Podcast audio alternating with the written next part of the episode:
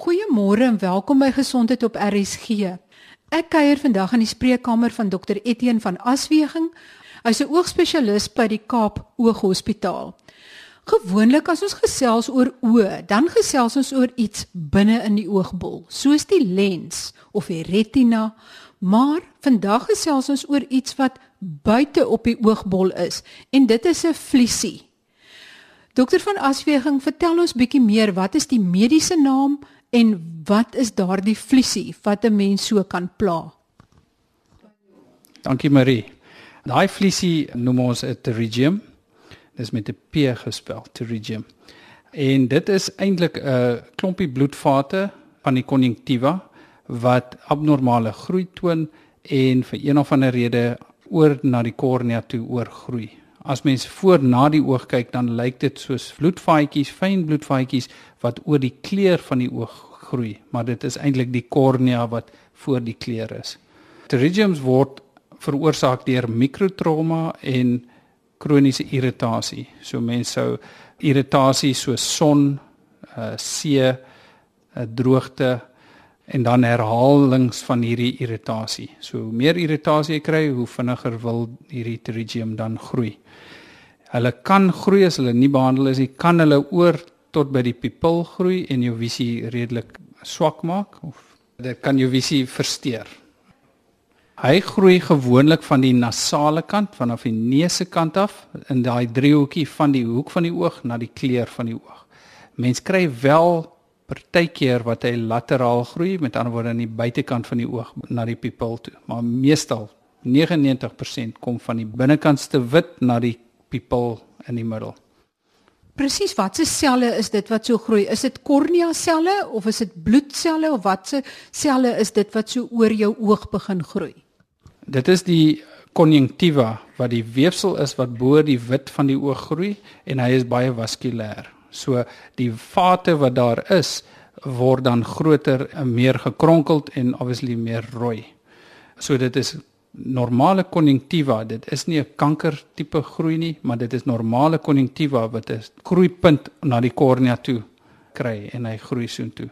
Mens kan wel soortgelyke tipe kanker groeisels kry, maar meeste oftalmoloë kan baie vinnig sien dat dit nie 'n normale pterygium dan is nie. As jy nou hierdie vliesie gesien het, die pasiënt kom by jou aan. Jy kyk dan eers of dit kanker is en of dit nie kanker is nie, maar wat dan? Kan jy dit uitsny of hoe kan dit dan behandel word? Want niemand wil tog seker 'n vlies hê wat bo oor jou oog groei sodat jy op die ouend nie kan sien nie. Ja, ek wil net weer beklemtoon dat dit bitter bitter min is dat daar enigstens kanker daar is. Maar die vlies groei oor die kornea en dan moet ons hom gaan afhaal. So daar is nie 'n regte manier om met druppels dit te behandel nie.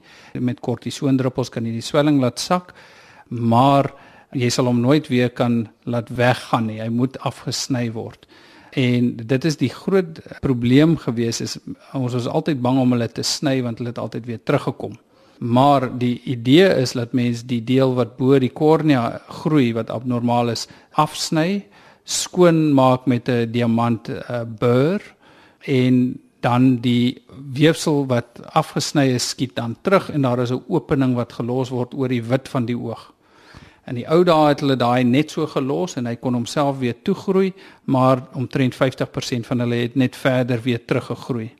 So daar is baie verskillende maniere gedoen om daai teruggroei persentasie te verminder, maar met die nuwe operasie wat ons seker die laaste 8 jaar doen, gebruik ons die oog se eie selle wat ons bo onder die ooglid gaan haal op die oogbal, die onderste wat bedek is deur die ooglid en ons sny dan 'n stukkie daaruit, 'n blokkietjie amper soos 'n 'n veloorplantingkie, 'n blokkietjie uit en ons plak hom dan in daai nuwe oop spasie wat ons nou veroorsaak het. En dit werk amper as 'n blok laat die weefsel nie weer oorgroei nie. Daar was altyd steekies gebruik, klein steekies gebruik om dit toe te maak, maar daai steekies het irritasie gemaak en hulle het weer ook herhalings veroorsaak. So deesdae gebruik ons 'n gom, 'n menslike weefselgom en dit gom ons dan daai blokkietjie in posisie en jy het nie inflammasie nie, jy het nie irritasie nie en jou herhalingssyfer is laer as 1%. En hoe gou herstel dit dan uh, van 'n pasiënt wat inkom dat hy die operasie gekry het, hoe gou is dit weer byna onsigbaar?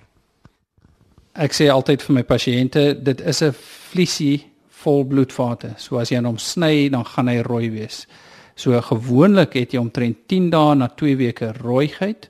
Daar is 'n bietjie ongemak in die eerste 2 tot 3 dae, soos die weefsel wat oor die kornea verwyder is weer toegroei. Maar die rooiheid bly vir 2 weke en uh, dan gaan hy oor na 'n pink fase toe vir nog omtrent 'n week of 2 en gewoonlik na 'n maand is hy byna volledig herstel. Uh interessant, ek het 'n meisie toe ons begin het met hierdie operasies het ek 'n meisie geopereer 6 weke voor haar troue. En ek het haar die 5de week na die operasie gesien en hy was perfek geweest. En daardie deeltjie wat nou agter die ooglid verskuil is wat jy uithaal om dan in die gapentjie in te sit, hoe gou herstel dit? Hy is 'n halfdikte konjunktivale flappie wat ons vat. So hy herstel baie vinnig omdat hy heeltyd onder die ooglid is. Hy is onsigbaar en hy vat ook omtrent 'n maand om volledig uh, toe te groei. Hy groei so goed terug dat mens weer as jy moet van daai weefsel kan gaan vat. En hoe algemeen is hierdie probleem? Pterygium is redelik algemeen en mens vind dit die meeste in sonnige, droë klimate so Australië, ons. So dit is die mense wat buite lewe, dit is die mense wat son en see, die surfers en daai uh, groep mense wat dit meer kry. Uh, maar enige irritasie wat jy kry, kan dan die vorming van 'n pterygium begin en hy kan dan groter word. Ja, dit word nie meer nie, ek sou sê 'n konstante persentasie per jaar wat ons sien. Dit raak nie meer soos 'n epidemie nie, nee. En as mense versigtiger sou wees en nie so baie in die son kom nie, sou dit enigstens help? Ja, definitief. Ek dink die sonbrille is 'n baie belangrike hulpmiddel en dan die ander is om te weet wanneer jou oë geïrriteerd is, dat jy hulle met traandruppels ordentlike aanvullende traandruppels kan behandel. As jy sê ordentlike aanvullende traandruppels is op 'n tyd wat nie goed is nie. Ja, mens kry 'n wye verskeidenheid druppels. Die druppels wat bemark word om jou oë wit en helder te maak is die wat ons nie regtig wil hê nie. Jy wil net 'n goeie traanlaag hê wat ek die traanaanvullers noem.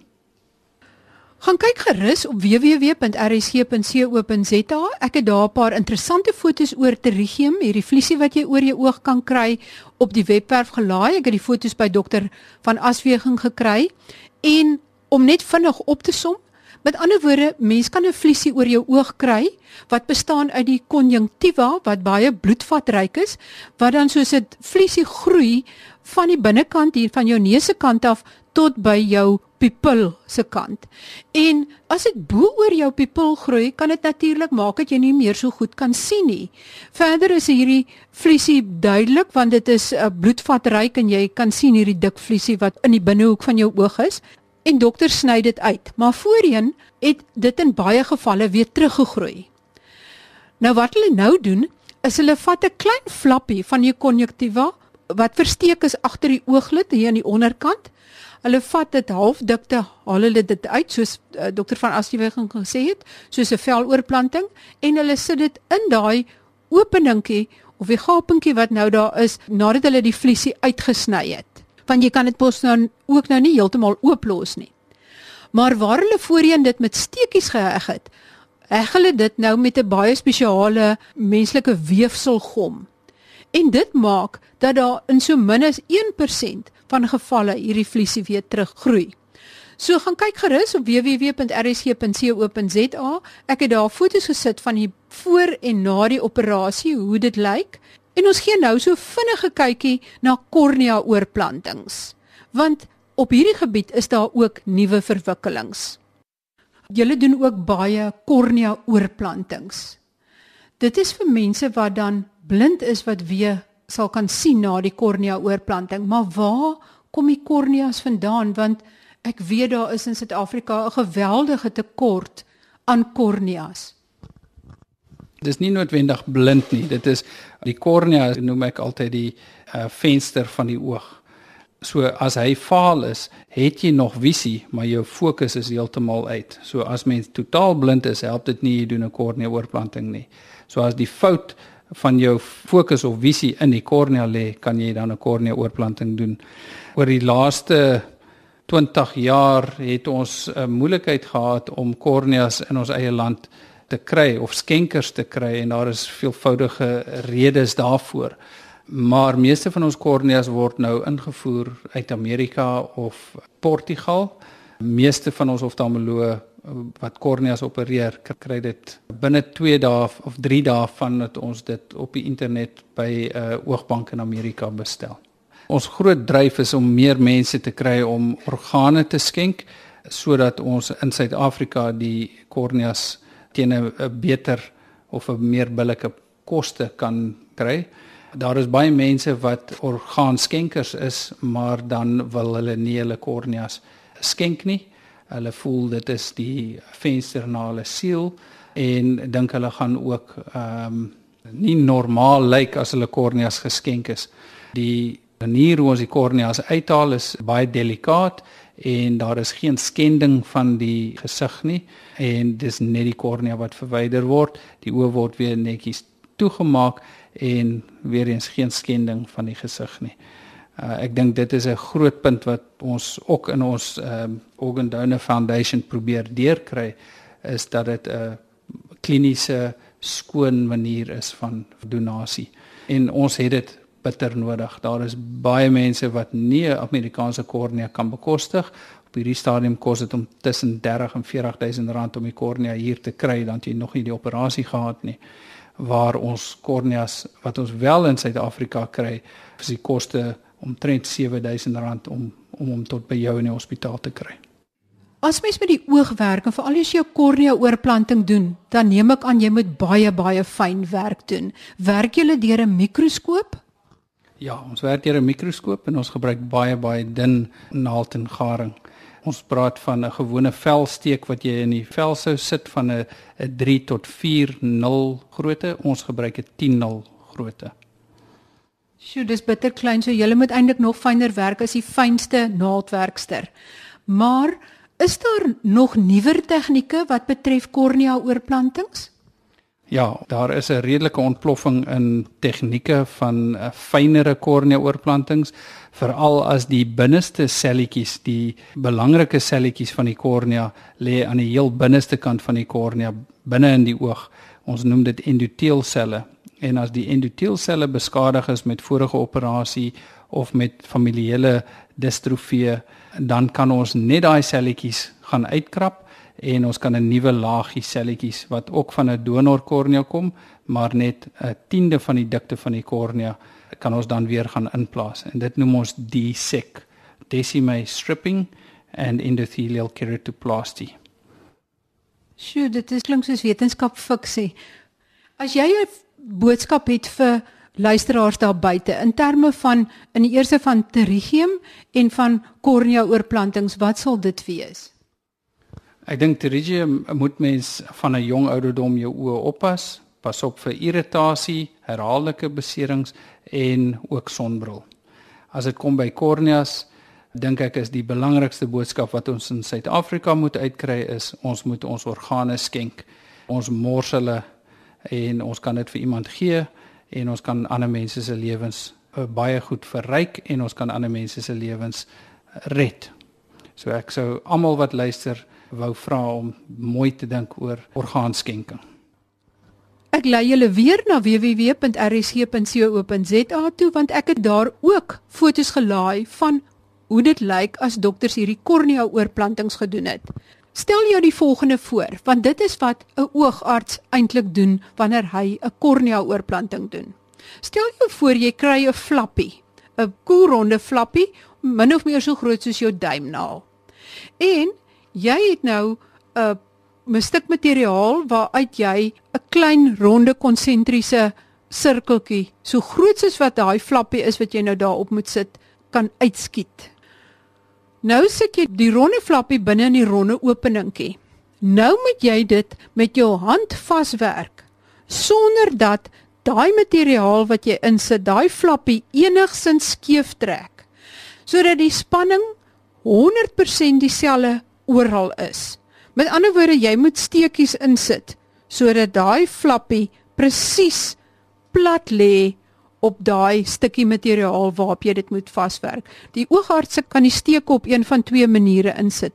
Hulle kan die steke insit dat dit baie netjies en sekuur soos 'n zigzag patroon loop van die binnekant na die buitekant, binnekant na buitekant. Of hulle kan dit insit dat dit soos 'n horlosie lyk met die steke wat letterlik 1-1 ingesit word sodat dit dan lyk soos 'n horlosie se gesig. Maar gaan kyk gerus op www.rsg.co.za. Ek het daar foto's gesit van hoe dit lyk voor en na kornea oorplanting en dan ook 'n foto van hoe dit met hierdie nuwe tegniek gedoen word waar dit letterlik net so aan die kant gesny word en die kornea selle ingeglip word in daai spasietjie wat dan geskep word en met 'n baie groter suksessyfer en 'n baie kleiner verwerpingssyfer. En asseblief, soos dokter van Aswegen sê, dink asseblief aan orgaanskenking en aan kornea skenking as een van jou geliefdes doodgaan. Tans voor daar maar so wat 20 van die baie baie kornea oorplantings wat in die land gedoen word en benodig word, word dan maar omtrent iets soos 20 van sit eie Suid-Afrikaanse kornea skenkers gedoen. Tot volgende week dan. Totsiens.